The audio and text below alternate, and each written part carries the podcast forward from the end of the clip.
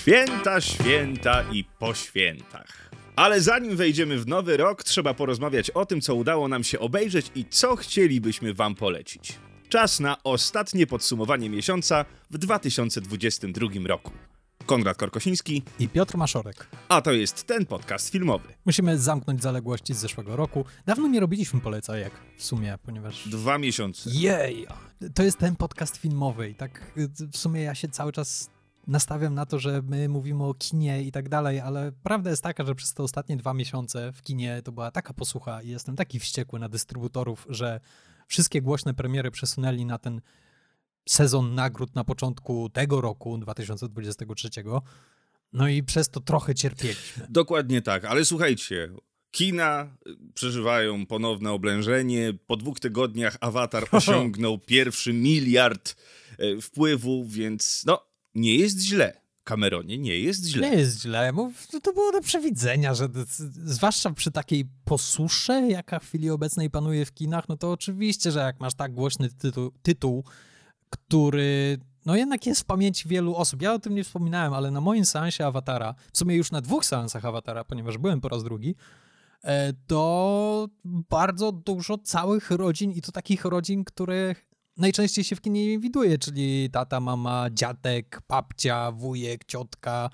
E, bardzo dużo ludzi po 40, po 50, czyli tak, kurczę, jednak ludzie jakiś ten sentyment do tego awatara mają. Ja trochę tego nie rozumiem, żeby aż tak bardzo działał na wyobraźnię ludzi i chęć pójścia i zobaczenia, co się dzieje dalej na tej, na tej Pandorze, bo nie do końca jestem przekonany, czy pierwsza część jest aż tak ogromną obietnicą, żeby zobaczyć, co się będzie działo w tym świecie dalej. Ale to jest już moje jakieś tam subiektywne zdanie. E, mam inne pytanie do ciebie, no bo wiemy, że skoro taki wielki film, który oblega prawie wszystkie sale kinowe, i on leci, leci symultanicznie w takim Cinema City u nas w Warszawie czy w Łodzi na 12 ekranach równocześnie i ludzie mogą go zobaczyć w przeróżnych formatach. Mm, no to wiemy też, akurat jeszcze nie w Polsce, ale za granicą wypremierował się najnowszy film Damiana Szazela, czyli Babylon. Wypremierował się właśnie w cieniu Awatara. Wiesz, taka ciekawostka, że to ta sama sytuacja miała mieć miejsce u nas w kinie, ponieważ e, Babylon miał się premierować w Sylwestra, jeśli dobrze pamiętam, ale dystrybutor przesunął datę premiery tam chyba o dwa albo trzy tygodnie. Jakoś e, w drugiej połowie stycznia będziemy mogli zobaczyć ten film w kinie. Ja jestem skonfundowany tą decyzją dystrybutora e, Babylonu, ponieważ no, to nie jest film, pomimo tego, iż jest to Damien Chazelle pomimo tego, iż tam masz Margot Robbie i Brada Pitta i że to jest o klasycznym Hollywood, nie wydaje się być to filmem świątecznym. Jakoś nie rozumiem toku myślenia ludzi, którzy stwierdzili, a dobra, wrzucimy to na święta, a tydzień po awatarze, tak, pewnie, na pewno damy radę. No po prostu to jest jakaś jedna wielka porażka. No i faktycznie to była jedna wielka porażka w box office amerykańskim, ponieważ ten film zarobił ile? 3 no, miliony? Nie najlepiej. Przy bardzo dużym budżecie, tam już dokładnie nie pamiętam, ale tam nie wiem, czy to było 80 milionów, czy ponad 100. No w każdym razie bardzo dużo kasy na ten film poszło i trochę wyrzucili ją w błoto.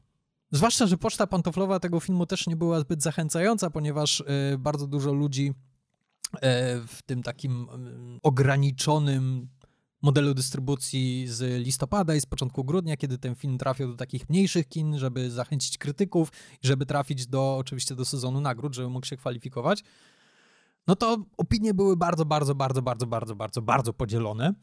E, zaskakująco dosyć, ponieważ Chazelle nie robi aż tak kontrowersyjnych filmów, mm. przynajmniej do tej pory. No może z wyjątkiem pierwszego człowieka, ale nawet przy pierwszym człowieku ta kontrowersja była trochę tak na siłę wymyślona, bo, bo, bo film ogólnie się podobał, nie tak, że... No tak, na pewno musimy zdać sobie sprawę z jednej rzeczy. Dopóki Avatar będzie w kinie, to Avatar w tym kinie będzie zarabiał i będzie dominował.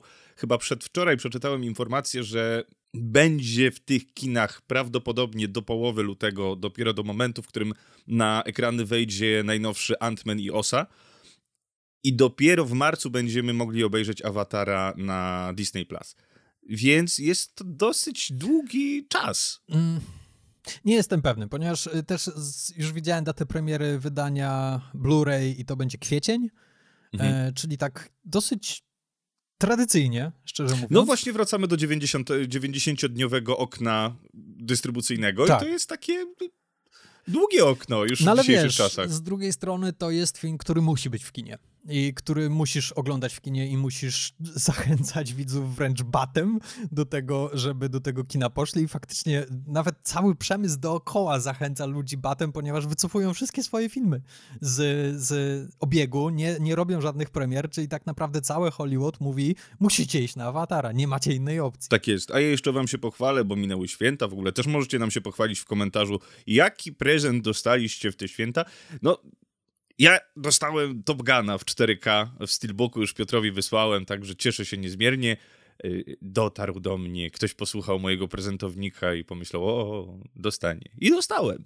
Ja bardziej oszczędnie taki prezent świąteczny, świąteczny to były bardzo ładne skarpetki, e, które dostałem od swojego szwagra e, i jego rodziny i bardzo, bardzo się cieszę.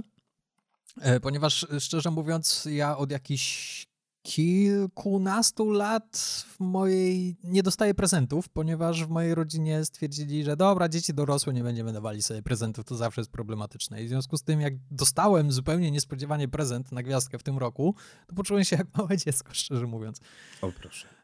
Natomiast wszystkie pozostałe filmowe prezenty to sam sobie robiłem przez ostatnie dwa miesiące e, i jestem z nich bardzo, bardzo szczęśliwy. No dobrze, słuchajcie, bo już ględzimy, ględzimy, a spotkaliśmy się tutaj, żeby porozmawiać o tym, co zostało obejrzane i co chcielibyśmy bądź nie wam polecić. Także Piotrze, proszę bardzo, mikrofon należy do ciebie. Zaczynaj. Zacznę od filmu kinowego. E, od jednego z dwóch filmów, które widziałem w kinie. Trochę mi wstyd, ponieważ miałem ambitne plany na grudniowe wizyty w kinie. Chciałem obejrzeć e, nowy film y, Guadagniniego z Timothy Chalamet, y, jak to się nazywało, do ostatniej kości jakoś, tak? tak? To bardzo chciałem zobaczyć, ale niestety no, grafik w pracy mi pokrzyżował plany. Tak samo chciałem obejrzeć y, She Said, nie, nie, pamiętam polskiego tytułu, czyli film o Harvey Weinsteinie i o śledztwie dziennikarek, y, które odkryły cały, całą skandaliczną sprawę. Też nie, nie, niestety mi się nie udało. No i bardzo żałuję, ponieważ w momencie jak wyszedł Avatar, to tak naprawdę zmiótł wszystkie te filmy z repertuarów i pozostałe jakieś takie nędzne seanse. Bardzo tego żałuję, przyznaję się, że tutaj trochę skaszaniłem. Ale byłem na jednym przedpremierowym pokazie na początku grudnia i jak zobaczyłem, że członkowie Unlimited z Cinema City dostają taką niepowtarzalną okazję, aby przez cały weekend oglądać przedpremierowo nowy film Stevena Spielberga, czyli Fablemanowie, no to stwierdziłem, nie, no koniecznie, to muszę iść, zwłaszcza, że ten film będzie się premierował właśnie w Sylwestra. I nie chciało mi się czekać po prostu. I chciałem go zobaczyć. Tak naprawdę jest to film y, autobiograficzny Stevena Spielberga, czyli Spielberg wpisuje się w ten dosyć zaskakujący trend wielkich twórców, którzy opowiadają filmowo o swoim dzieciństwie. Mieliśmy w zeszłym roku Belfast Kenefa, Kenefa Branacha, e, mieliśmy oczywiście Rome Alfonso Cuarona, czyli pierwszy taki głośny tytuł ostatnich lat, który, który wykorzystywał tą formułę. No ale też możesz Licorice Pizza pod to podciągnąć, że to jest jakiś film o dzieciństwie Paula, Paula Thomasa Andersona.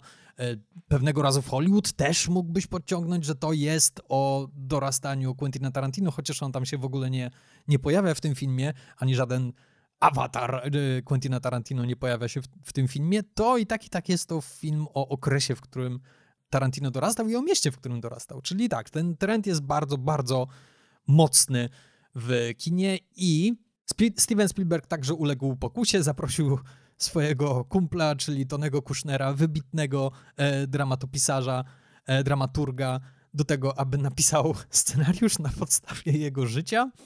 E, I to jest ten film. To jest e, film o młodym Spielbergu, który w tym filmie nazywa się Sami Fableman, e, który odkrywa swoją pasję do kina w bardzo młodym wieku i widzimy, jak ta pasja się rozwija na przestrzeni lat.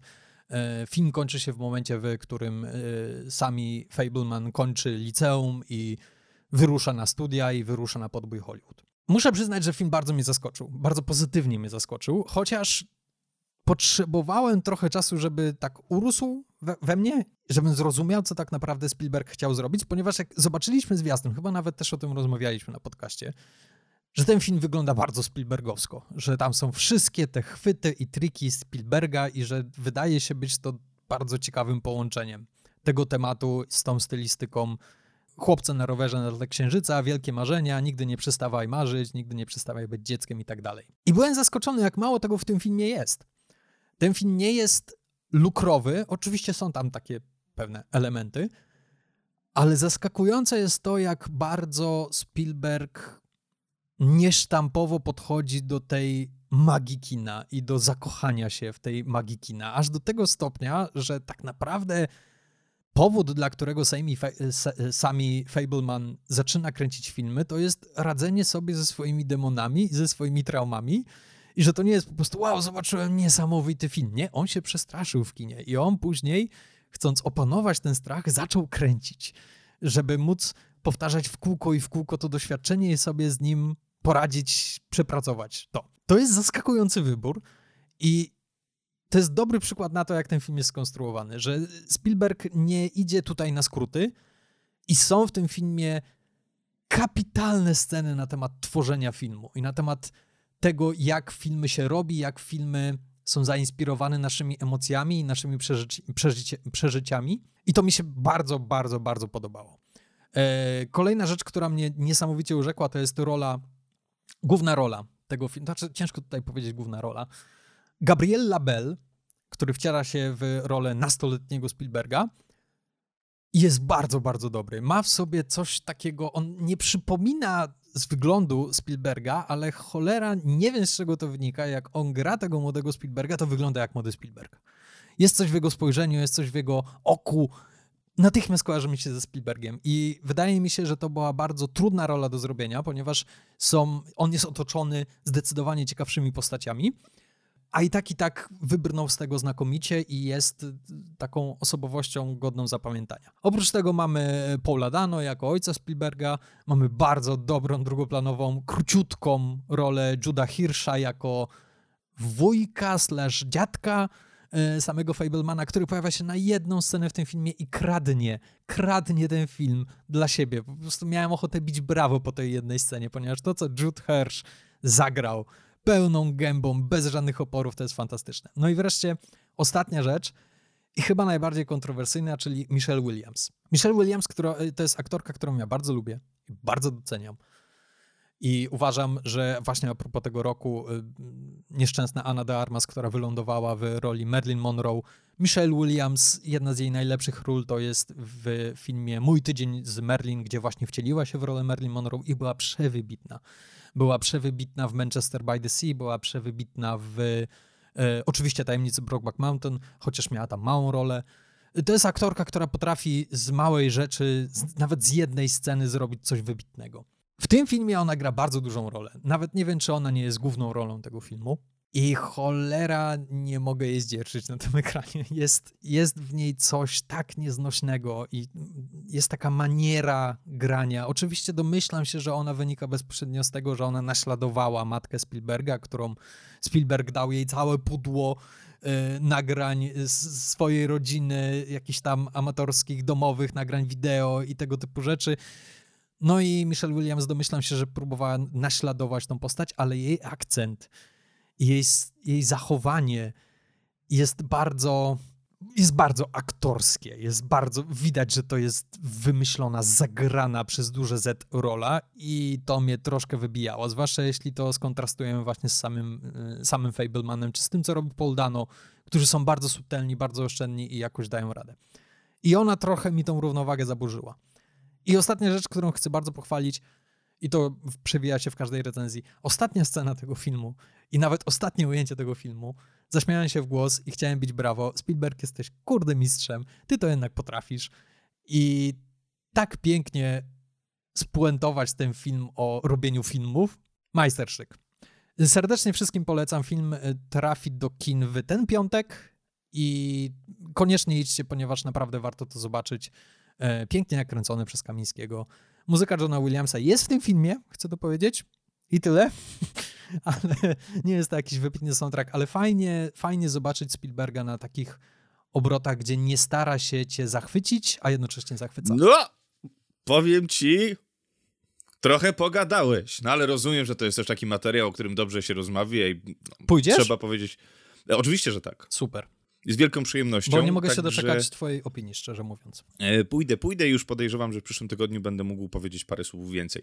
A tymczasem ja powiem wam o czymś, e, no co zobaczyłem w domu. Zobaczyłem przed e, ekranem telewizora czy na ekranie telewizora. Jest to coś, co wypremierowało się w ostatnich, w przeciągu ostatnich dwóch tygodni, czyli ostatnie wielkie dzieło DC, e, jak to się teraz nazywa? Extended, Extended Universe. Jeszcze się czy... tak nazywa, niedługo pewnie to zmienią. Tak, czyli film Black Adam. Kochani, no powiem wam szczerze, że no, te podsumowania miesiąca polegają nie tylko na tym, żeby zachęcić was, żebyście coś zobaczyli, ale żeby też przestrzec was przed tym, żebyście też nie musieli oglądać, jeżeli my już obejrzeliśmy i, i, i z jakąś tam zdecydowaną myślą możemy was od czegoś, od, odradzić wam poświęcenie tego czasu, no to, no to też temu ma służyć. Poświęciłem się, obejrzałem i powiem wam szczerze, ja od bardzo długiego czasu nie jestem fanem w ogóle produkcji DC. W ogóle. Od jak długiego? Od momentu, kiedy Nolan y, odłożył łyżkę. O wow, to naprawdę długiego. Tak. Żaden z tych filmów mi się nie podobał. No może Wonder Woman, ta pierwsza, była nie najgorsza, bo była jakaś. Ble. Bo ja lubiłem ten klimat y, drugowojenny i to mi się przyjemnie oglądało. No czym jest Black Adam? Jeżeli widzieliście Shazama, no to odwróćcie sobie bo to jest dokładnie to samo. Tylko, że Dwayne The Rock Johnson, którego zatrudnili tylko i wyłącznie po to, czy zatrudnili, sam się zatrudnił, bo jest producentem tego filmu, bo pomyślał, o, no jak ja dotknę moją midasowatą ręką czegokolwiek, to zamienię to w złoto. No ale no, to, jest, to jest Dwayne The Rock Johnson, to jest film o, o The Rocku i to wszystko.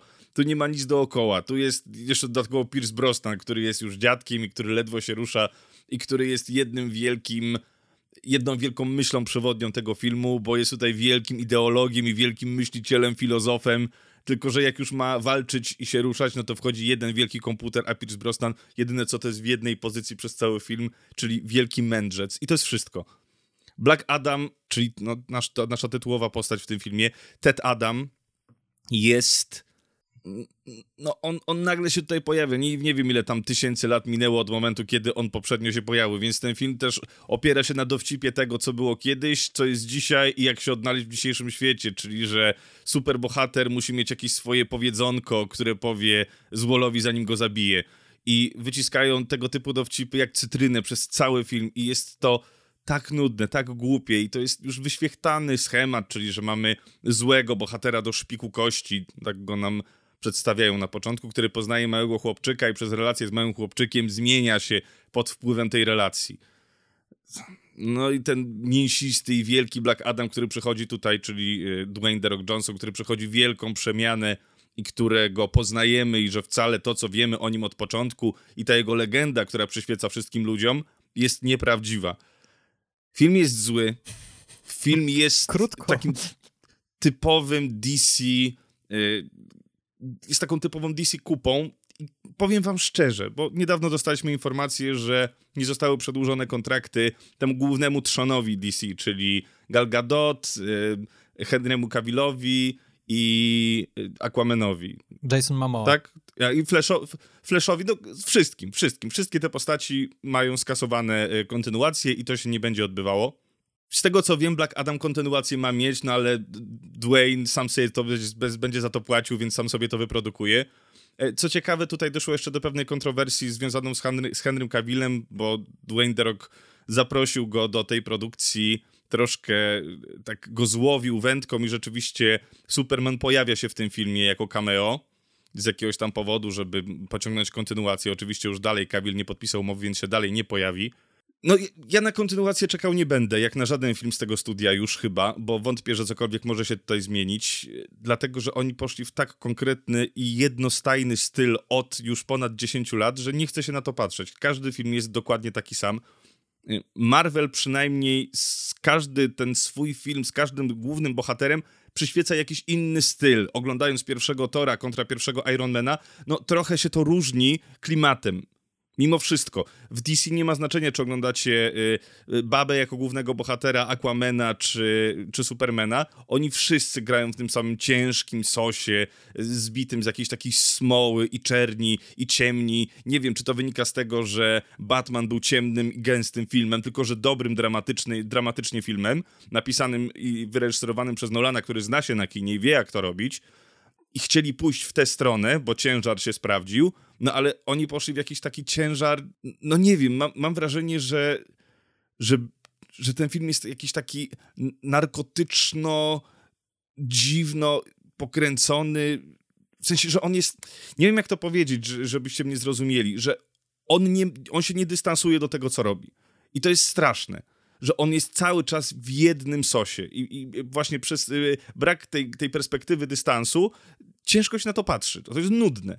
Nieważne. No jeszcze mieliśmy oczywiście y, The Batmana nowego i Jokera. I Jokera. No tak. to, to były te dwa filmy, które gdzieś tam się wybijają spoza tego kanonu i to jest dobra zmiana. Z tego co wiem, to, to, jest, to są te projekty starego DC, które zostaną, które nie zostały skancelowane i które idą do przodu. Będziemy mieli kontynuację zarówno Batmana, jak i Jokera i obydwie no nie wiadomo nic o kontynuacji Batmana, ale kontynuacja Jokera jest kompletnie szalonym pomysłem i, tak, i bardzo będzie ciekawy. musical. Tak, z Lady Gaga. E, dokładnie tak. Także no, trzymam kciuki za to, żebyśmy wrócili do tego, że to są poważne filmy, a nie jakaś próba odcięcia kuponu na błahej historii tylko na próbie wyciągnięcia tych e, kar kart komiksowych, bo niby fan, y, fanowie na to czekają. Nie czekają, bo już dawno zostali znudzeni kompletnie do, do, do oglądania kolejnych przygód tych bohaterów.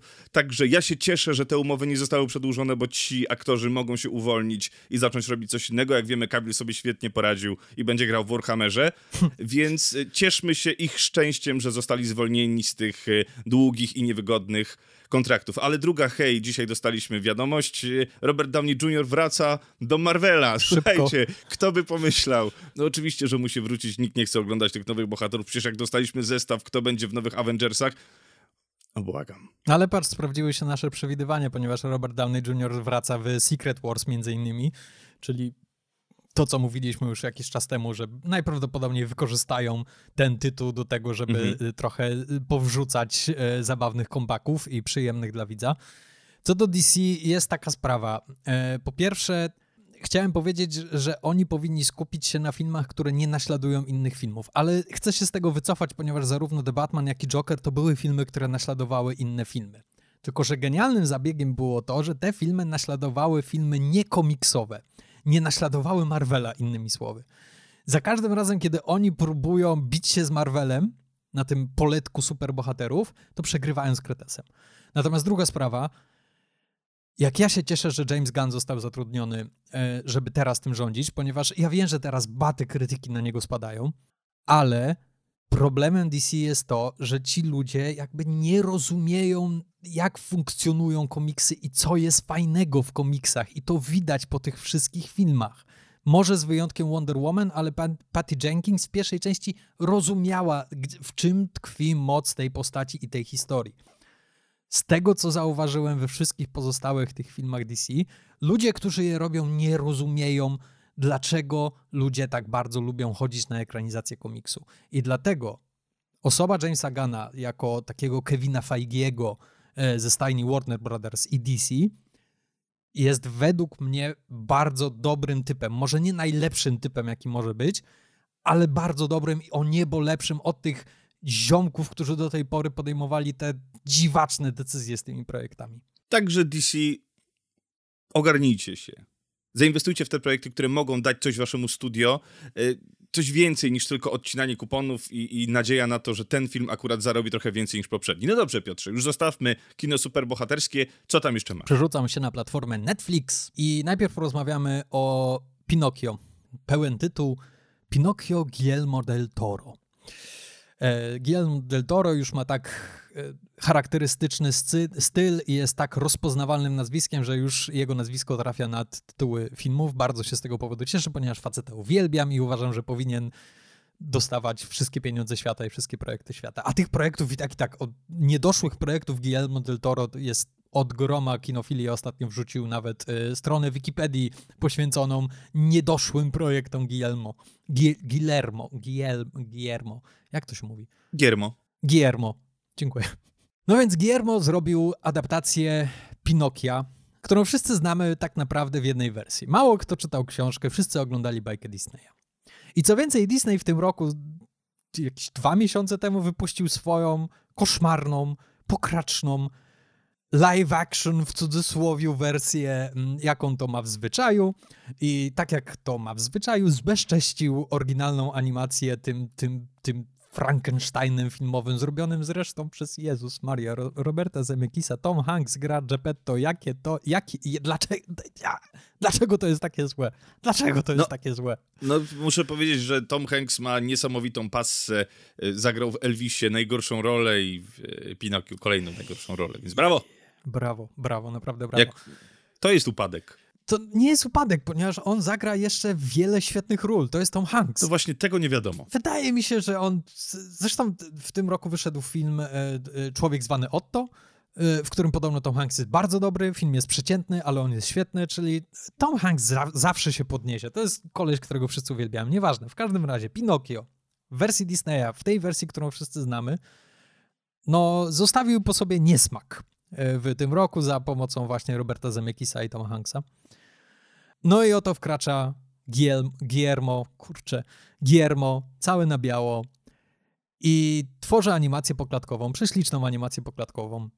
Oczywiście robi to po swojemu. Y, sam powiedział, że to jest taka nieoficjalna trzecia część jego trylogii wojennej, dziecinnej trylogii wojennej, do której należą y, Kręgosłup Diabła i Labirynt Fauna. I faktycznie tak, bardzo się to zgadza, ponieważ y, Del Toro przeniósł akcję oryginalnej powieści do e, dwudziestolecia międzywojennego, do Włoch. Bardzo mnie e, rozbawiło, jak usłyszałem recenzję, że to jest Pinokio, który opowiada o faszyzmie. Ja mam tak, wow, dzieci będą zachwycone. Ale faktycznie, to jest film, który opowiada o faszyzmie i który opowiada o wierze też w bardzo duży sposób. Jest kapitalna scena w tym filmie, w którym Pinokio wchodzi do kościoła, w którym Geppetto musi dokończyć e, krzyż, który wystrugał który wisi nad ołtarzem. I Pinokio tak się patrzy na Chrystusa na krzyżu i mówi: Dlaczego oni tak wszyscy tak bardzo go lubią, a mnie nie? Przecież to też jest koleś z drewna. Kapitalna scena. Jeju, Del Toro, mam ochotę cię ucałować w tej chwili. Wszyscy się zachwycają tym filmem. Mówią, że to jest najlepszy film Del Toro od bardzo dawna. Ja nie podzielam tej opinii konkretnie. Podzielam zachwyt, ale nie tą opinię. Jeśli chodzi o animację poklatkową, faktycznie jest prześliczna, ale to nie jest tak fenomenalna animacja poklatkowa jak w filmach ze studia Laika. Czyli jak w Kubo i dwie struny, jak w Koralinie i tak dalej. Na tych filmach szczena autentycznie mi opadała do podłogi, ponieważ nie byłem w stanie sobie wyobrazić, jak oni to zrobili poklatkowo. Tutaj ta animacja jest śliczna, zgadzam się, ale nie ma żadnego takiego efektu o wow, ojeja, mhm. ale się dzieje. Nie jestem w stanie też przyznać, że jest to cholernie wzruszający film i wyciskacz łez, ponieważ mnie zostawił trochę zimnym emocjonalnie i bardziej jest to film, który ja podziwiałem, a nie w którym się zakochałem. A po cichu liczyłem na to, że Del Toro właśnie wróci w te tryby labiryntu fauna i mnie wzruszy. Ale jest co podziwiać. I wydaje mi się, że ten film powinien dostać nominację do Oscara za najlepszy scenariusz adaptowany, ponieważ to, co Del Toro wycisnął z tej historii, to jak ją zaktualizował, to ile nowych tematów wrzucił albo rozwinął z oryginału, to jest niesamowite.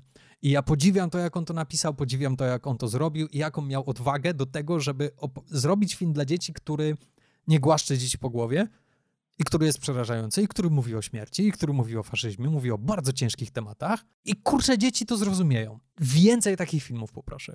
I jeszcze ostatnia rzecz. Wydaje mi się, że ten film bardzo ci się spodoba, albo spodoba ci się za kilka lat, ponieważ Pinokio w tym filmie jest tak wkurzającym dzieciakiem. I uwielbiałem to, że on jest tak irytujący, jest tak pełen energii, jest tak głośny, jest tak wszędzie.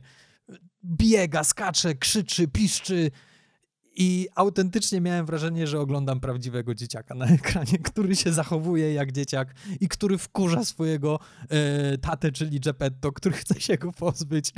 I jest to, wydaje mi się, że bardzo prawdziwe podejście do, do tej postaci. To tyle. No dobrze, no to w takim razie ja teraz przejdę do platformy Disney Plus. Czy ty byłeś właśnie na Disney Plus? Nie, ja byłem na Netflixie. Byłeś na Netflixie. To ja w takim razie przeskoczę na Disney Plus i powiem wam o najnowszej animacji, która jeszcze niedawno. Yy, no, skakała po ekranach kinowych, która mogła wam się bezpośrednio kojarzyć jej, jej layout z kaczymi opowieściami. E, mówię, mówię oczywiście o Dziwnym Świecie, najnowszym dziele produkcji Walta Disneya, czyli Walt Disney Animation, nie Pixara. E, no i słuchajcie, Dziwny Świat. No ja wam powiem od razu, mnie się nie spodobało. O. Ja się, Ja się trochę wynudziłem. O czym opowiada Dziwny Świat? Opowiada o relacji mm, ojca z synem. Na początku mamy ojca z synem, ojca, który jest odkrywcą i jest znany z tego, że odkrywa nowe światy i, i dzięki temu jest sławny i swojego syna na siłę ciągnie ze sobą wszędzie. No ale jego syn widać, że ma inne ambicje i w którymś momencie dochodzimy do sytuacji, to jest już w intro, że ich drogi się rozdzielają. Syn podąża własną drogą, znajduje tajemniczą roślinę, która nazywa się pando, e, przywleka ją i dzięki temu, że odnalazł pando, to świat zyskał elektryczność i, e, i wszyscy są szczęśliwi, więc mamy dwóch bohaterów. Ojca, który odnalazł krainę, w której można się zbudować i syna, który odnalazł pando, który ułatwił życie wszystkim. No ale E, ojciec poszedł w swoją stronę, syn poszedł w swoją stronę. No i mamy e, po tym wstępie, dostajemy informację, że minęło 25 lat.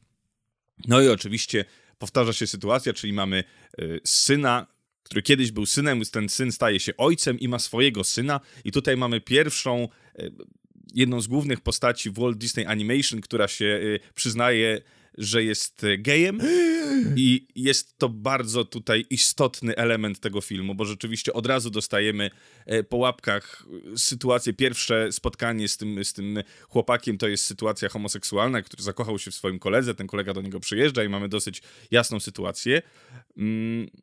I, i jest to tutaj przedstawione w bardzo, w bardzo jasny i prosty sposób. W sensie nie jest to nie jest w żaden sposób zawola, za, za, za, jak to się mówi? Giermo. Zawoalowane.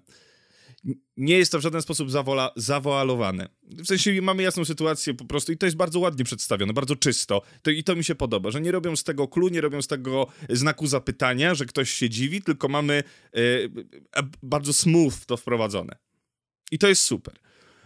No ale powtarza się sytuacja z, z ojcem, no, czyli że syn ma własne potrzeby, własne pragnienia e, i film oprócz tego, że jest ta główna historia, czyli że ten, e, ten, ten syn pierwszy, dobra, może będę używał imion, najstarszy ojciec to jest Jäger, Jager, syn jest Searcher, a najmłodszy syn jest Ethan.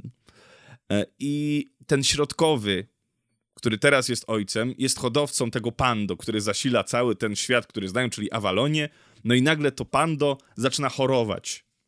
No więc wyruszają na poszukiwania tego, co zatruwa pando i dlaczego pando umiera powolutku i dlaczego trzeba go ratować. W trakcie filmu dowiadujemy się y, przeróżnych rzeczy, nie będę wam zdradzał. Oczywiście jest cała ta podróż, ona jest istotna, tylko tak naprawdę przez tę podróż nasi bohaterowie dochodzą do tego, dlaczego między nimi jest tak, że każdy chce podążać swoją własną drogą. No jak to w filmach Disneya coś się dzieje, ale tak naprawdę bohater odkrywa e, swoje główne problemy i próbuje je zrozumieć i, i, je rozwiązać. I tutaj ta relacja między ojcem i synem i ojcem i synem jest właśnie tym, e, jest kluczowa i to, co się dzieje w trakcie ich przygody jest tylko metaforą tego, co się dzieje między nimi.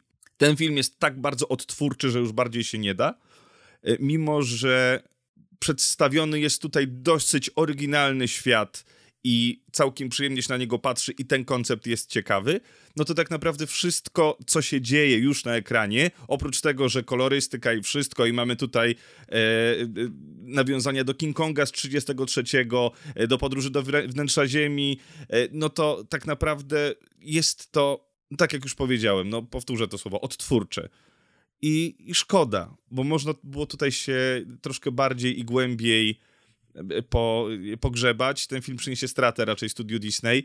E, możecie obejrzeć, bo to jest taki film Disneya do obejrzenia w niedzielę, ale żebym powiedział, że jest to coś, coś czym Disney mógłby się pochwalić i mógłby wystartować w wyścigu po Oscara, wydaje mi się, że nie. Nie tym razem. Wydaje mi się, że Pinokio tutaj zgarnie wszystko. To jest zabawne, że kiedy w bajkach Disneya pojawiały się te wszystkie, w cudzysłowie, wątki homoseksualne, yy, gdzie po prostu było jedno zdanie gdzieś tam rzucone w samym środku dialogu i nagle były wielkie kontrowersje i ludzie bojkotowali, mówili nie, nie, to jest po prostu poprawność polityczna i wcieranie nam tego w twarz. Natomiast tutaj, jak się pojawia z tego, co mówisz, yy, taki dobrze zrobiony wątek homoseksualny, który jest istotny, i który jest dobrze zrobiony, to jest cisza. Ja jestem w szoku, Znaczy, ja jestem w szoku w ogóle, ja- że to ja- tam się pojawiło. Ja nie powiedziałem do końca, że on jest dobrze zrobiony. Ja tylko powiedziałem, że on jest smooth wprowadzony, że on nie jest tu znakiem zapytania i on jest traktowany ultranaturalnie. Co, to, co się dzieje z nim później, to jest już trochę inna kwestia. Okej. No ale ten film jest też głównie z tego znany, że on właśnie wprowadza e, główną postać otwarcie e, przyznającą się do, do, do, do bycia członkiem e, LGBTQ, więc, więc gdzieś tam ten film troszkę tym też zaistniał, no ale też e, no prognozy straty to jest prawie 150 milionów e, straty dla Disneya przy produkcji tego filmu, więc e, czemu ten film powstał nie wiem, Pod- podejrzewam, że powstał dlatego, że musiał powstać, bo co roku musi jakiś film powstać z tego studia, no tylko, że wydaje mi się, że gdzieś już brakuje im pomysłu Oj, oj. a konkurencja się pojawiła na rynku, więc y, to niedobrze wróży dla, dla, dla tego studia, no ale okej, no, rozumiem, że zarabiają na czymś innym. Chociaż y, przyszły ciężkie czasy dla Disneya, bo niedobrze się dzieje i w Marvelu, i niedobrze, niedobrze się dzieje w bajkach, całkiem niedobrze się dzieje w Star Warsach, o tym sobie też pewnie dzisiaj porozmawiamy, chociaż nie dzieje się aż tak źle, jakby się mogło dziać, no ale jednak główne zarobki to jest ta, ta, ta dystrybucja kinowa, nie? I, I potem merch z tej produkcji kinowej, więc no, No, nie bez powodu odwołali swojego CEO i zastąpili go starym CEO, który już odszedł na emeryturę i który ma wszystko naprawić. No, zobaczymy, jak Disney udźwignie ten temat w ciągu najbliższych kilku miesięcy jak będzie sobie radził, bo musi zareagować, faktycznie ma problemy. Dobra, skoro jesteśmy na Disney Plus, to chciałem powiedzieć e, jedno krótkie zdanie na temat e, serialu Willow, który się jeszcze chyba trwa, albo niedawno się skończył. Nie wiem, ponieważ odpadłem po dwóch odcinkach, moje jedno zdanie, nie oglądajcie tego ścierwa. tak? Tak, O, a ja chciałem tutaj podziękować Disneyowi za zaproszenie na premierę y, i na pokaz dwóch pierwszych odcinków. Niestety nie, mogliśmy pojechać i, uczestniczyć w tym wydarzeniu, ale no, dzięki za zaproszenie. dzięki za zaproszenie, ale sorry, Disney, musicie się bardziej postarać. Boże, jakie to było złe. Nieważne, nie chcę, nie chcę marnować naszego czasu tutaj antenowego na, na, na, na to ścierwo. Zamiast tego przerzucę się z powrotem na Netflixa i porozmawiam o największym hicie Netflixa tego roku chyba. Nie wiem, czy to już jest numerem jeden, czy jest niedługo się wbije na numer jeden. Chociaż nie, przepraszam, nie, Stranger Things jest jednak niepokonany. Ostatnio widziałem jakieś tam podsumowanie, że ilość e, milionów godzin e, przy serialu Stranger Things jest nie do pobicia. Chciałem porozmawiać o Wednesday, czyli o serialu, którego główną tytułową bohaterką jest e, najmłodsza córka z rodziny Adamsów. Ten serial był czymś spektakularnym i ja byłem w takim szoku, y, co się działo przy tym serialu. On w przeciągu siedmiu dni stał się takim wydarzeniem i zupełnie tego nie przewidziałem. Osobą, która jest powiązana z tym serialem to jest Tim Burton. Połączenie Tima Burtona i rodziny Adamsów to wydaje się być takie połączenie jak y, chleba z masłem. Po prostu idealne. I ja zresztą w młodości byłem, w młodości, i za młodu ja byłem w takim szoku, że to nie Tim Burton zrobił dwie części Rodziny Adamsów, ponieważ dla mnie to było oczywiste. To oczywiście, że musi być Tim Burton. I kiedy się dowiedziałem, że to był Barry Sonnenfeld, czyli twórca Facetów Czerni, to miałem takie wow, naprawdę jest jeszcze inny twórca, który operuje taką stylistyką? Niesamowite. Problem polega na tym, że musieliśmy czekać 30 lat prawie na to połączenie Bertona z rodziną Adamsów. I jeszcze większy problem polega na tym, że ostatni dobry film Tima Burtona to jest według mnie Frankenweenie. Jeśli chcemy filmu fabularnego, ostatniego dobrego filmu fabularnego, to musimy się cofnąć do Sweeney Toda. No niestety wszystkie kolejne projekty Bertona to były barachła. I w związku z tym z dużą rezerwą podchodziłem do Wednesday. Pożegnałem się ze swoimi nadziejami, kiedy zobaczyłem zwiastun. Ponieważ zobaczyłem to, czego się najbardziej obawiałem. Po pierwsze, e, fabuła tego serialu, która opiera się na tym, że Wednesday idzie do szkoły. Już ze zwiastunu wywnioskowałem, i w sumie po serialu y, przyznaję sobie sam rację, że oni kompletnie nie rozumieją, w czym tkwi siła rodziny Adamsów. Ponieważ Wednesday w tej szkole musi się dostosować. Oczywiście walczy za wzięcie, aby się nie zmienić i aby pozostać taką nihilistyczną osobą, pesymistyczną osobą, jaką jest. No i gdzieś tam daje się zrobić tym nastolatkom. I ja wiem, że to jest szkoła dla niesamowitych stworzeń i dziwolągów, odmieńców, którzy są gdzieś tam na marginesie, ale w ogóle tak tego się nie czyta. Te nastolatki zachowują się jak normalne nastolatki, e, mają TikToki, mają wszystkie sociale, mają wszystkie te rzeczy, które fascynują nastolatków, czyli pomimo tego, że to są dziwolągi, to tak naprawdę to nie są dziwolągi, to są normalni ludzie. Wielką siłą rodziny Adamsów, przynajmniej pierwszych dwóch części, było to, że, ona, że te filmy nigdy nie brały strony e, ludzi, nas, normalców. One zawsze stały po stronie rodziny Adamsów i jeśli pojawiała się jakaś ludzka postać w tych filmach, to ona zawsze kończyła jako ten, kto musi się dostosować do Adamsów, kto musi ich zrozumieć i musi się zachowywać jak oni i musi zaakceptować ich świat. To było super. Niestety tutaj jest odwrotnie. Tutaj, pomimo tego, już Wednesday bardzo odstaje od wszystkich swoich rówieśników w tej szkole, to i tak, i tak to musi się skończyć w ten sposób, że e, o, musi zacząć się przytulać i musi sobie kupić telefon i tak dalej, i tak dalej. Natomiast druga rzecz, która mi już w zwiastunie nie pasowała, to to, że ten, yy, ten serial wygląda jak Instagram. Ja rozumiem, dlaczego tak wygląda, no bo wiadomo, musimy tutaj uderzać do młodych, to jest serial dla nastolatków, w związku z tym musimy operować ich językiem, ale nie zmienia to faktu, że pomimo tego, iż są te fajne projekty Tima Bertona, są pasiaste mundurki, są potwory z bardzo dużymi oczami, to i tak i tak na tym wszystkim masz ten taki sztuczny plastikowy filtr, który mi zawsze przeszkadzał w, większości seriali Netflixowych. Kolejna rzecz, która mi przeszkadza, przepraszam, że tak jadę, ale muszę to się wyżyć trochę to jest to, że to jest tak okrutna zżyna z Harry'ego Pottera. To jest Hogwart. I ja wiem, że to są takie tropy i takie chwyty, które są dosyć popularne w takich nastolatkowych produkcjach, ale cholera, są w tym serialu sceny i ujęcia, które są żywcem wzięte z Harry'ego Pottera. Na przykład jest scena balu, w której Wednesday schodzi po schodach w swojej sukni. I to jest ujęcie stary ognia z Hermioną schodzącą w swojej sukni. I ja rozumiem, gdyby to było takie nawiązanie, aby trochę wyśmiać Harry'ego Pottera, ale to naprawdę nie wyśmiewa, to bardzo próbuje naśladować, tylko że mów co chcesz na temat J.K. Rowling, ale ona cholera umiała w intrygi. Ona umiała tworzyć zagadki i tajemnice i ona też bardzo umiała pisać postacie, które mają osobowość, która nie jest banalna, które mają swoje, które lubisz za to, że są niedoskonałe. Wednesday robią dokładnie to samo, tylko że gorzej. Nie umieją tak dobrze napisać tych postaci, nie umieją tak umiejętnie skonstruować tej intrygi. I zwłaszcza w finale są takie momenty, gdzie, a dobra, to bardzo wygodne rozwiązanie, które nagle w tym momencie się pojawiło. Super. Ale muszę przyznać, przy tej całej łyżce dosyć dużej, chochli wręcz, dziegciu, chciałem obejrzeć pierwsze dwa odcinki, bo po pierwszym odcinku stwierdziłem, nie, to chyba nie jest dla mnie, a obejrzałem całość, ponieważ to to jest przyjemny odmurzacz.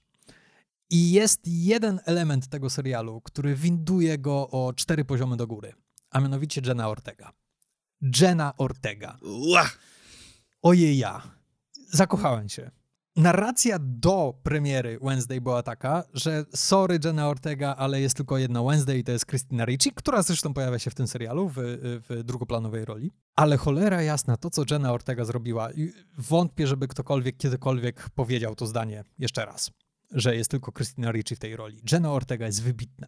Jest wybitna. Ona robi ten serial całkowicie i ja przyznam się szczerze, że oglądałem ten serial do samego końca dla niej i mogłoby się wydawać, ok, dobra, ona gra jedną miną.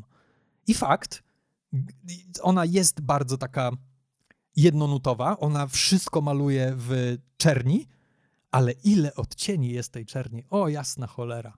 Niesamowite. Co ona jest w stanie tam wygrać? Nie mogłem się oderwać od ekranu, nie mogłem przestać na nią patrzeć. Kiedy jej nie było na ekranie, to cierpiałem, ponieważ wszyscy pozostali grają beznadziejnie. Naprawdę, wszystkie te dzieciaki są straszne, aż zęby zgrzytają, jak się słyszy, jak mówią te swoje dialogi i jak, jak oni grają, czy grają w cudzysłowie. I obok mamy Jenę Ortegę, która jedną miną po prostu zmiata wszystkich z powierzchni ziemi. Cudna. Obejrzyjcie ten serial dla niej. Ciebie nie muszę przekonywać, bo już widzę, jak się uśmiechasz. Znaczy, nie wiem, czy mieliśmy nawet przy, przy Stranger Things aż tak dużo zaangażowania Instagramu, TikToka i wszystkiego. Nie wiem, czy był aż taki hype, jak, na, jak na Jenę Ortega, na jej taniec, jak na niektóre sceny z tego filmu. No, świat oszalał na tym punkcie i ludzie, którzy nie widzieli tego serialu i nigdy go nie obejrzą i tak będą wiedzieli, czym ten serial jest, gdzie ten serial jest i jest to, wydaje mi się, najlepsza promocja od czasów pierwszego Stranger Things e, dla, dla Netflixa i dla... No i dzięki temu serialowi na pewno Netflix zarobi od groma. Jeżeli zdecydują się na drugi sezon, to już w ogóle będą mieli taki przypływ subskrypcji, że wow, wow, wow, wow. Wiesz, jaki jest największy komplement dla Ortegi w tym filmie, w tym serialu, według mnie? To jest postać Zosi Samosi. Ona wszystko umie, ona ze wszystkim sobie poradzi. Teoretycznie to powinno być złe, ponieważ absolutnie się nie przejmujesz tym, że cokolwiek jej się stanie, nie martwisz się i wiesz, że ona wyjdzie cało z każdej opresji. Ale w wykonaniu Jenny Ortegi to jest zajebiste. To jest tak, że tak, ja chcę zobaczyć, jak ona wszystkich pokonuje, ja chcę zobaczyć, jak ona wszystkimi rządzi i jak nikt jej nie podskoczy. To jest wielki komplement dla niej, że ona potrafiła udźwignąć taki zły zabieg scenariuszowy. No dobrze, słuchajcie, bo dzisiaj się jakoś tak wyjątkowo rozgadujemy na temat każdej produkcji, więc no, mieliśmy jeszcze dla was sporo propozycji, ale przejdziemy chyba do naszego głównego. Chciałem cię przekonać, żebyśmy jeszcze porozmawiali o Andorze. Bo musimy Dobrze. porozmawiać o Andorze. Dobrze, to w takim razie zostawmy sobie na przyszły miesiąc, przerzucimy wyzwolenie i przerzucimy inne propozycje, a w tym miesiącu porozmawialiśmy sobie, porozmawiajmy sobie jeszcze o Andorze i na koniec jako wisienka albo jako cebula na torcie zostawimy sobie najnowsze dzieło Ryana Johnsona, także Andor. Obejrzałem, usiadłem, no i obejrzałem tak naprawdę na dwa posiedzenia. Mhm. To szybko. Szybko, tak. I przyznam, no, on się nie zaczyna aż tak dobrze, jakby mógł się zacząć. Zaczyna się bardzo wolno. Aczkolwiek od pewnego momentu nabiera takich rumieńców i takiego tempa i takiej, taką ogromną przyjemność z oglądania miałem, że z każdym odcinkiem było coraz lepiej. A od momentu, kiedy y, nasz tytułowy bohater trafia do więzienia, Mhm. to już w ogóle jest y, niebywale. I muszę przyznać, że od czasów Łotra 1 jest to najlepsze, najlepsze Star Wars, jakie, jakie miałem możliwość obejrzeć i jakie miałem przyjemność z oglądania. I cieszę się, że w końcu odwracamy się od Skywalkerów, że nie oni są osią narracyjną i że nie dookoła nich się dzieją niebywałe rzeczy. Pada co prawda w serialu Palpatine, ale to jest nie przeszkadza, bo on jest gdzieś tam daleko, daleko w tle. Y, Jedi są tylko wspomnieni jako jakaś miejska legenda i moc jest y, gdzieś tam funkcjonuje, ale nie pada y, słynne niech moc będzie z tobą. Mhm. I oni żyją swoim życiem. I to jest fajne, że to jest jedna z planet, gdzie życie się toczy pod e, płaszczem tego imperium i że to imperium jest, jest funkcjonuje. Podoba mi się to, że to jest chyba jedna z niewielu zalet COVID-a, że oni byli zmuszeni kręcić to w takich lokacjach i, i do, dosyć ciasno, bez możliwości podróżowania i, i korzystania z, z całego, z całych wszystkich możliwości technicznych. E, I bardzo mi się podoba, że kręcą nie właśnie korzystając z, z technologii, tylko z prawdziwych lokacji. I to widać, to czuć. Czuć te przestrzenie, e, czuć wiatr na włosach, e, czuć słońce, czuć przyjemność z tego i czuć też przyjemność e, z. Widzimy zbudowane, w końcu zbudowane e, scenografie. Mhm. I to jest super. To są Star Warsy dla mnie. Dla mnie takim obrazem, który bardzo mocno wbił się w świadomość, to jest e, ten na tej planecie, tej głównej, tej, z której e, Mhm. nie to, że pochodzi Andor, ale w której, na której Andor mieszkał przez dosyć długo. Tam jest ta kopalnia i wszyscy górnicy wieszają swoje rękawiczki na ścianie. I Tak, to prze, przepiękna, przepiękny obrazek. nie jestem w stanie sobie tego wybić z głowy. Jakoś tak, tak mocno to na mnie podziałało i tak zrobiło to robotę. Taka prosta, prosta rzecz. I ja mam trochę problem z tym serialem, ponieważ podobny jak przy Pinokio del Toro, ponieważ ja bardziej go podziwiam niż go kocham. Mhm. E, Wydaje mi się, że jest to bardzo zimny serial, ale bardzo mądry. Jest genialnie napisany. Kapitalnie poprowadzone są wszystkie wątki. I ten cały banalny przekaz, który Lukas od samego początku wrzucał do tych filmów, czyli o, to są rebelianci, oni walczą ze złem, tutaj nabiera zupełnie nowego znaczenia. Co to naprawdę znaczy być rebeliantem? Ile musisz poświęcić, żeby nim być? w pewien moment, czyli Stellan Skarsgård, który, który tłumaczy, co to znaczy być rebeliantem, no to jest, jest ciarka na plecach, jeszcze w przepięknej scenografii. Tak. I prosta, prosta scena.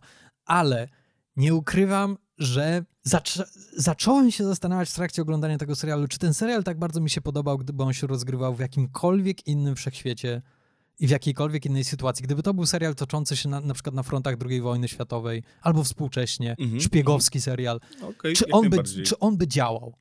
Czy on by przyciągnął, znaczy ten Andor nie przyciągnął dużej publiki przed telewizory, ponieważ okazało się zbyt wymagające. Ja to rozumiem. Ale troszkę mam taką myśl, że cholera, to, to jest nudny serial. Ale przez to, że on się rozgrywa w tym świecie i on robi te rzeczy, których nigdy nie widzieliśmy w świecie Gwiezdnych Wojen, przez to on jest tak ciekawy i przez to on tak przekuwa uwagę. Ja zgadzam się, zgadzam się, ale jest to jedna z ładniejszych rzeczy w ostatnich latach w tym uniwersum i jest super wykorzystane. Wszystko to, co, co dobrze znamy, jest super wykorzystane i to, czego nie znamy, y, daje nam tylko poszerzenie perspektywy, nie? I, i bardzo, no mówię, to, że ten serial jest tak skromny, przy tak naprawdę, przy niedużym budżecie, jest zrobiony też, wydaje się, że, że wydano na niego dużo więcej niż wydano. Właśnie przez to, że, że kręcono w, w prawdziwych lokacjach, przez to, że może też nie jakimś super drogim kosztem, ale po prostu zbudowano piękne scenografie. Polecam wam ten serial, bo trzeba przez te 3-4 pierwsze odcinki przebrnąć, ale cały odcinek, czy tam dwa odcinki, które dzieją się w tym więzieniu, Uła. które są bardzo ciasne i, i tam i tak naprawdę no więcej dzieje tylko ta myśl uwięzienia i, i tego, jak się stamtąd ale, wydostać. Ale, ale też no, ale... Ta, ta metafora tego uwięzienia, że to jest tak, tak genialny pomysł, że zrobić więzienie bez krat. I jak to funkcjonuje dobrze, i jak to jest mądrze wykorzystane. No i ojeja, ojeja, jak fantastycznie napisana rola Serkisa. I jego, jego zakończenie było tak bolesne. To jest jedna z najboleśniejszych rzeczy, jakie, jakie widziałem w telewizji. Ten, to, to jedno zdanie, które on wypowiada na sam koniec. Nie powiem jakie, żeby tutaj nie zaspoilerować, ale aż mnie fizycznie zabolało, jak on to powiedział. I, i, i... Tylko znowu, chciałbym tutaj mieć łezkę wokół, mhm. a nie miałem. Miałem taki umysłowy y, mechanizm, że ojej, jakie to jest genialne, jak to jest dobrze zrobione, ale emocjonalnie na mnie nie zadziałało.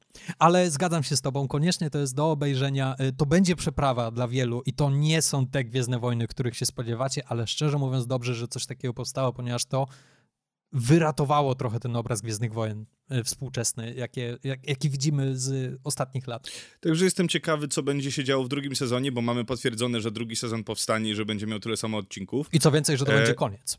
Że nie będą tego tak. ciągnęli w nieskończoność, będą tylko dwa sezony. Tony Gilroy, czyli showrunner, wie, w którą stronę zmierza, wie, jak to zrobić i to widać. I to. E, dokładnie tak. A też ten serial ogranicza trochę pole manewru, ponieważ wiemy, jak ta historia się skończy. Znamy zakończenie Łotra 1, dokładnie wiemy, dokąd doprowadzi e, historia Kasjana Andora. Także jestem bardzo ciekawy, co jeszcze wymyślą i co mu wrzucą. No w każdym razie obejrzyjcie, jest dostępny na platformie Disney Plus, a my w tym momencie przechodzimy do no myślę, że do najbardziej oczekiwanego filmu z końca roku, no oczywiście już od, odchodząc od Awatara, ale jeżeli chodzi o platformy streamingowe, czyli o najnowsze dzieło Ryana Johnsona, o jego wielki kontrakt, o kontrakt ze studiem Netflix i oczywiście mowa o Glass Onion, film z jak to tam jest napisane? Film z serii to, to, na noże. Film z serii na noże, dokładnie tak. Benoit Blanc powraca. E, i, i, słuchajcie, ja sobie obejrzałem dzień wcześniej na noże. Mhm. Zrobiłem sobie taką przyjemność i powiem wam, Ojeje. cóż to jest Ojeje. za wspaniały film. Ojeje, I od razu wam odpowiem na pytanie. Na noże czy, czy, czy Glass Onion? Na noże. Oczywiście. E, w ogóle bez, bez jakiegokolwiek, e, no, ten film na noże to jest tak kwintesencja, to jest to, on jest tak pysznie napisany, on jest tak pysznie zagrany, ta Anna de Armas, to co tam robi, to jest fantastyczne, każdy pościg i wszystko, to, że to jest otwarte. Tutaj w e, Glass Onion zastanawiam się, jak dużo zabiera nam e, ta ciasna przestrzeń i to, że no zresztą przejdźmy sobie, no po prostu sobie o tym porozmawiajmy. Gdzie się, gdzie się rzecz dzieje yy, i co teraz Benoit Blanc musi, musi zrobić. Wspominałeś o, serialu pandemicznym przy Andorze. Y, to jest film pandemiczny i to jest jeden z fajniejszych filmów pandemicznych, które zobaczyłem i bardzo fajnie jest to wykorzystane w tym filmie. Otóż Benoit Blanc bardzo cierpi w trakcie pandemii, ponieważ jest zamknięty w domu ze swoim ze swoim partnerem, co jest, nie chcę tutaj nic więcej mówić, ale jest to jedno to jest z wielu, zabawne, tak. wielu kapitalnych cameo w tym filmie. Camera w tym filmie to jest mistrzostwo świata, Ryan Johnson, uwielbiam cię. No ale oto dostaje tajemnicze zaproszenie w postaci takiej drewnianej łamigłówki, którą musi rozwiązać, na wyspę pewnego multimilionera takiego Ilona Maska w połączeniu z Markiem Zuckerbergiem, którego gra Edward Norton.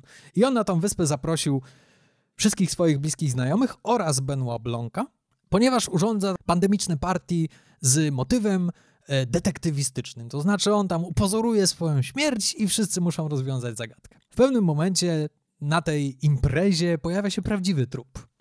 No i trzeba rozwiązać zagadkę, kto zabił i dlaczego. Klasyczna Agata Christie. To, co mi się bardzo podobało w tym filmie i jednocześnie, co jest wielką, yy, wielką wadą tego filmu, że to nie jest jedynka.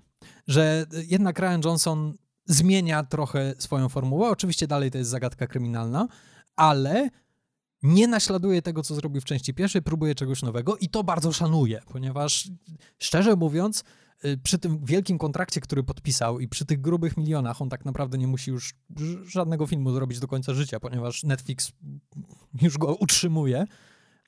Przy tym kontrakcie ja się bardzo cieszę, że on wpadł w tą franczyzę, ponieważ za każdym razem jak jakiś taki reżyser, którego bardzo lubię, wpada w sidła jakiejś wielkiej franczyzy, czy to Taika Waititi przy Marvelu, czy to właśnie Ryan, Ryan Johnson, który otarł się o Gwiezdne Wojny i on miał teraz robić swoją trylogię, to mnie zawsze to boli, ponieważ mówię, okay, super, bardzo się cieszę, ale oni na 10 lat są wykluczeni z jakichkolwiek innych filmów. I to boli, ponieważ ja bym chciał zobaczyć te inne filmy.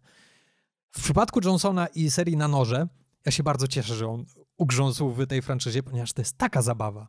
I on tak może sobie tutaj kombinować z każdym filmem coś innego, z każdym filmem nowa ekipa, yy, szalona ekipa aktorska yy, i widać, że wszyscy świetnie się tam bawią i to jest wielki plus.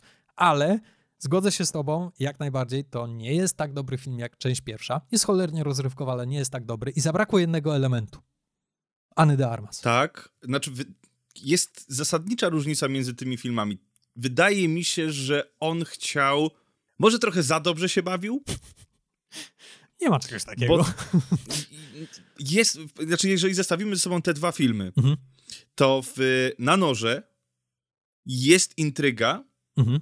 jest dużo mrugnięć okiem do widza i jest dużo poczucia humoru i dystansu, ale mimo wszystko to, co się dzieje, ta nadrzędna rzecz, ona nie jest łamana dowcipem to ta śmierć i to wszystko, ona jest bardzo poważna. Tutaj jednak przez to, że co minutę mamy jakiś gag, jakiś śmiszek i jakiś coś i puszczenie oka do widza, to mimo wszystko ta już zasadnicza intryga, której się dowiadujemy w samym środku filmu, e, a nie pod koniec, co też tutaj jest dosyć dużą zmianą w porównaniu do jedynki, Wydaje mi się, że jest mniej poważnie potraktowana. Wiesz co, nie zgodzę się tutaj, że y, jest inaczej niż w jedynce, bo konstrukcja jest tak sama. W jedynce też bardzo szybko następuje gwałtowny zwrot, który przestawia cały film do góry nogami. Mhm. I podobnie jak w jedynce, Benoit Blanc jest postacią drugoplanową, jest postacią towarzyszącą. On nie jest głównym bohaterem, mhm. głównym bohaterem jest silna postać kobieca. W jedynce mieliśmy Anne de Armas, natomiast tutaj mamy Janelle Monet. Ja nie chcę powiedzieć, że ten film mi się nie podoba, tylko chodzi mi o to, że jakoś w tym poprzednim filmie lepiej, była przed, lepiej były przedstawione motywacje tych bohaterów, lepiej były, były te backstory i powody. W tym filmie gdzieś mi się to wydaje zbyt nie wiem jak to nazwać, zbyt podobne do siebie, ciężko jest to porozgraniczać. Wiesz co, wydaje mi się, że największym problemem, to co powiedziałem, nie ma Anny de Armas. Anna de Armas była sercem, tak. była ciepłem w tym Tutaj filmie. jednak nie? Janelle Monáe jest, y, no jest gorsza, tak, nie oszukujmy je, się od, od oni, Anny. Jakby nie jestem w stanie kibicować komukolwiek w tym filmie. Natomiast w jedynce mhm. ja totalnie trzymałem stronę Anny de Armas ze względu na to, jak została napisana, jak przepięknie Anna de Armas to zagrała. Ponieważ ona faktycznie wnosiła ciepło do tego filmu i taką ludzką stronę tej, tej, tej zwariowanej intrygi. E, natomiast tutaj mamy galerię bardzo dziwacznych bohaterów i wszyscy są dziwni i z żadnym się nie utożsamiasz tak naprawdę. Tak, i chciałem tylko powiedzieć, że jak nie lubiłem Nortona, tak dalej go nie lubię. Ale e, świetnie obsadzony. Ale chciałem zapytać, co tu w ogóle robi ten Noah Segan? E, Noah Segan to jest E, oczko puszczone do fanów Ryana Johnsona. To jest aktor, który pojawia się w każdym filmie e, Johnsona e, od jego debiutu, od czasu jego debiutu i po prostu go obsadzili tutaj jako taki wink-wink. To jest kolejne takie zabawne cameo, ale nie ze znaną ze znaną osobistością, ale z po prostu znanym fanom Ryana Johnsona aktorem. I ja myślę, że o to tutaj chodzi i że to fakt, że jest to zupełnie niepotrzebne i słabo zrobione. Y, inne cameo są zdecydowanie lepiej wprowadzone. No nie no, wspaniałe. Cameo typu Jared Leto czy Jeremy Renner to jest... Moje, mo, Wow. moje ulubione to jest Serena Williams, co po prostu umarłem, umarłem jak to zobaczyłem i, i świetne, świe, świetne, zabawne, fajne pomysły i taki jest ten film. On jest, jest w nim mnóstwo świetnych pomysłów, jest ubaw. Od połowy filmu zaczyna się taka frajda z śledzeniem tej fabuły i że o co tu tak naprawdę chodzi i co oni robią. Być może nie angażujesz się tak mocno emocjonalnie jak w części pierwszej, ale dalej to jest cholernie dobra rozrywka i To prawda. szczerze mówiąc, jeśli to jest franczyza Netflixa, super. Kino gatunkowe, no kochamy kino gatunkowe i cieszmy się, że takie mamy. Y, Benoit Blanc, Daniel Craig jest świetny. Jest i to jest tak kolejna rzecz, że, że wszyscy się dobrze bawią. To ty- mówisz, że być może troszkę za dobrze, może i masz rację, ale zupełnie inaczej się to ogląda, jeśli widzisz taką Kate Hudson, która ma taką frajdę z grania tej głupiej blondyny, wielkiej gwiazdy y, mody i influencerki.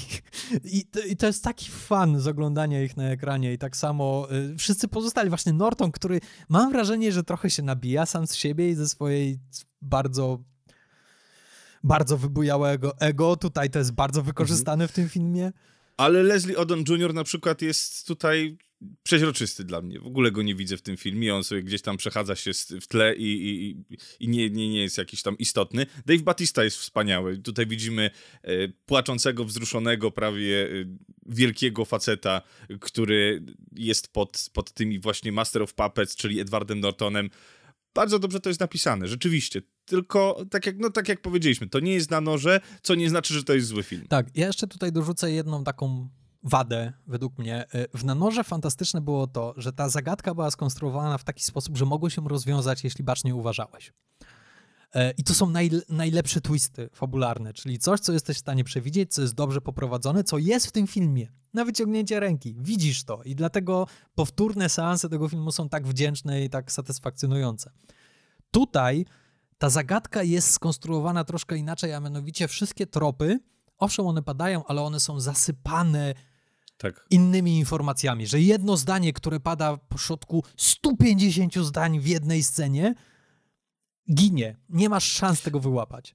Znaczy ja tutaj, wydaje mi się, że ten film jest jednoznacznie od samego początku, ten film już ci mówi, kto zabił Tak. i wiesz o tym, kto zabił. Tu nie, ma, nie masz wątpliwości, ale przez cały ten film próbuje przedstawić ci, a może nie masz racji, a może nie masz racji, żeby na końcu ci pokazać, tak, miałeś rację od samego początku, ponieważ no, łatwo się domyślić, kto zabił już w pierwszych pięciu minutach filmu. Ale niełatwo się domyślić y, twistu związanego z postacią Janelle Monet. E, ponieważ to jest... To, to, W ogóle nie możesz się tak, go to, domyślić. to jest coś, co, co, co szokuje, chociaż teoretycznie znowu widzisz po reakcjach i mógłbyś to sobie ułożyć, ale za dużo to jest niedopowiedziane, żeby to faktycznie W sensie sobie... Tak. nie wiesz tego, bo nie dostajesz tej informacji na początku jakiejkolwiek sugerującej że, taką, możliw, taką możliwość w ogóle, taką ewentualność, bo nawet nie pada jedno słowo e, związane z tym, więc nie ma możliwości, żeby się domyślić takiego twista. Ale dzięki temu twistowi Janelle Monet naprawdę rządzi, e, ponieważ ma bardzo trudną rolę i ma bardzo wdzięczną rolę i jest cholernie zabawna od pewnego momentu. Tak, aczkolwiek, no dzięki oczywiście y, Jaredowi Leto, ale, ale nie jest to Anna Darmas, nie, w sensie nie ma tego czegoś. Nie wiem, czy to jest kwestia napisania postaci, czy to jest kwestia no tego, co Anna Darmas ma w sobie, tej, tego wdzięku i, i tego, że ma kocie oczy. Myślę, że jedno i drugie, ponieważ po pierwsze to, tak jak powiedziałem, kapitalnie napisana jest ta postać w pierwszej części, ale Anna de Armas, ona gra to tak pięknie. Ma te emocje na wierzchu. Widzisz w jej oczach, że to jest osoba, która fizycznie nie jest w stanie kłamać i że jest szczera. Tak. I ona to zrobiła i to nie jest sztampowe, to jest szczere, to jest piękne i fantastyczne. Ale kolejna zaleta tej całej serii, że Johnson w tych swoich gatunkowych y, hybrydach, on mimo wszystko mówi coś o naszym społeczeństwie, za każdym razem. I, I podoba mi się to, że przemyca te informacje. Tutaj troszkę bardziej taka toporna, a mianowicie nie ufaj tym wszystkim wpływowym osobistościom przebogatym, ponieważ bardzo często są to debile. Tak, tak. Rozwiązanie zagadki jest fantastyczne. W ogóle ten nagle wybuch. E, e, I wiedziałem od początku, ale sądziłem, że nie wiedziałem, że to będzie z tego powodu.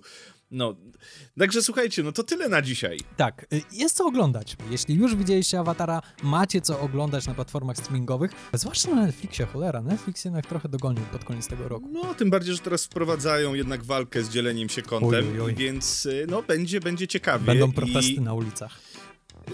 No a nie oszukujmy się, Netflix przez długi czas nie miał nic ciekawego do zaproponowania i walczył tylko takimi głośnymi tytułami, które się pojawiały raz kiedyś typu Stranger Things z nadzieją, że wszyscy wtedy te subskrypcje wykupią. Jeszcze podzielili to na dwa, żeby zarabiać trochę dłużej, więc no, ważne jest, żeby teraz postawili na jakość, skoro i tak już są najdroższą platformą streamingową, a jeszcze chcą zwiększyć te ceny ze względu na to, że każdy będzie musiał mieć swoją indywidualną subskrypcję. A nie oszukujmy się, tanio nie jest. Kochani, słyszymy się za tydzień i za tydzień przygotowaliśmy dla Was coś bardzo fajnego. Przynajmniej ja niesamowicie się jaram. Ponieważ y, pierwsze miesiące nowego roku to są takie miesiące wielkich podsumowań w popkulturze i wszystkie podcasty, kanały na YouTubie, strony, fanpage robią swoje topki. Top najlepszych filmów, seriali, ról, scen mijającego roku. Być może to będzie dla Was szokiem, ale my, my, lubimy, my lubimy topki i my lubimy rankingi ale też bardzo lubimy nagrody filmowe. W związku z tym postanowiliśmy, ej, nasz podcast, nasze zasady, parafrazując na noże, w związku z tym połączymy te dwie rzeczy, ale będziemy potrzebowali przy tym waszej pomocy. Tak jest, także słuchajcie, czas na te nagrody filmowe. Jednak zostajemy przy tej nazwie. Tak jest, bardzo mi się Po podoba. cichu liczę, żeby wymyślić coś w swoim stylu takiego zabawnego i żałosnego. Ale właśnie powiem ci, że długo się zastanawiałem. Ja mam kilka propozycji, ale szukałem czegoś właśnie w tym klimacie. Słuchaj, miałem nawet złotą czkawkę, złoty bigiel, e, ale, ale te nagrody filmowe najbardziej pasują do tego podcastu filmowego, także wydaje mi się, że tutaj nie ma się co zastanawiać i te nagrody filmowe e, trafią do no do filmów, które my wybierzemy razem z waszą pomocą. W przyszłym tygodniu podamy wam nasze propozycje i jakoś je tutaj wspólnie umiejscowimy, potem stworzymy ankiety i mamy nadzieję, że pomożecie nam to wszystko doprowadzić i znaleźć wspólnych zwycięzców. Słyszymy się za tydzień, będzie się działo. Konrad, szykuj y, frak, czy tam smoking, czy cokolwiek masz się ubrać ładnie na tą wielką galę rozdania. Znaczy nie, to nie jest, to, to jest ogłoszenie nominacji, to będzie. Na razie są nominacje, nagrody. No, chwilę czasu będziemy na to potrzebowali, żeby policzyć wszystkie wasze głosy, ale spokojnie. Dajcie nam jeszcze znać, czy chcielibyście na 50. Na 50. Wow, aż tacy starzy Wow. jesteśmy. Na trzecią rocznicę tego podcastu filmowego zrobić odcinek z QA, tak jak w zeszłym roku, ponieważ zbliża się 150, 150 odcinek i czy chcielibyście na taki 150 odcinek e, zadać nam kilka pytań, na które my bardzo chętnie udzielimy wam odpowiedzi. Także czekamy na wasze e, e, odpowiedzi i tymczasem, no co, najlepszego w nowym roku. Trzymajcie się. Do usłyszenia, trzymajcie się, cześć.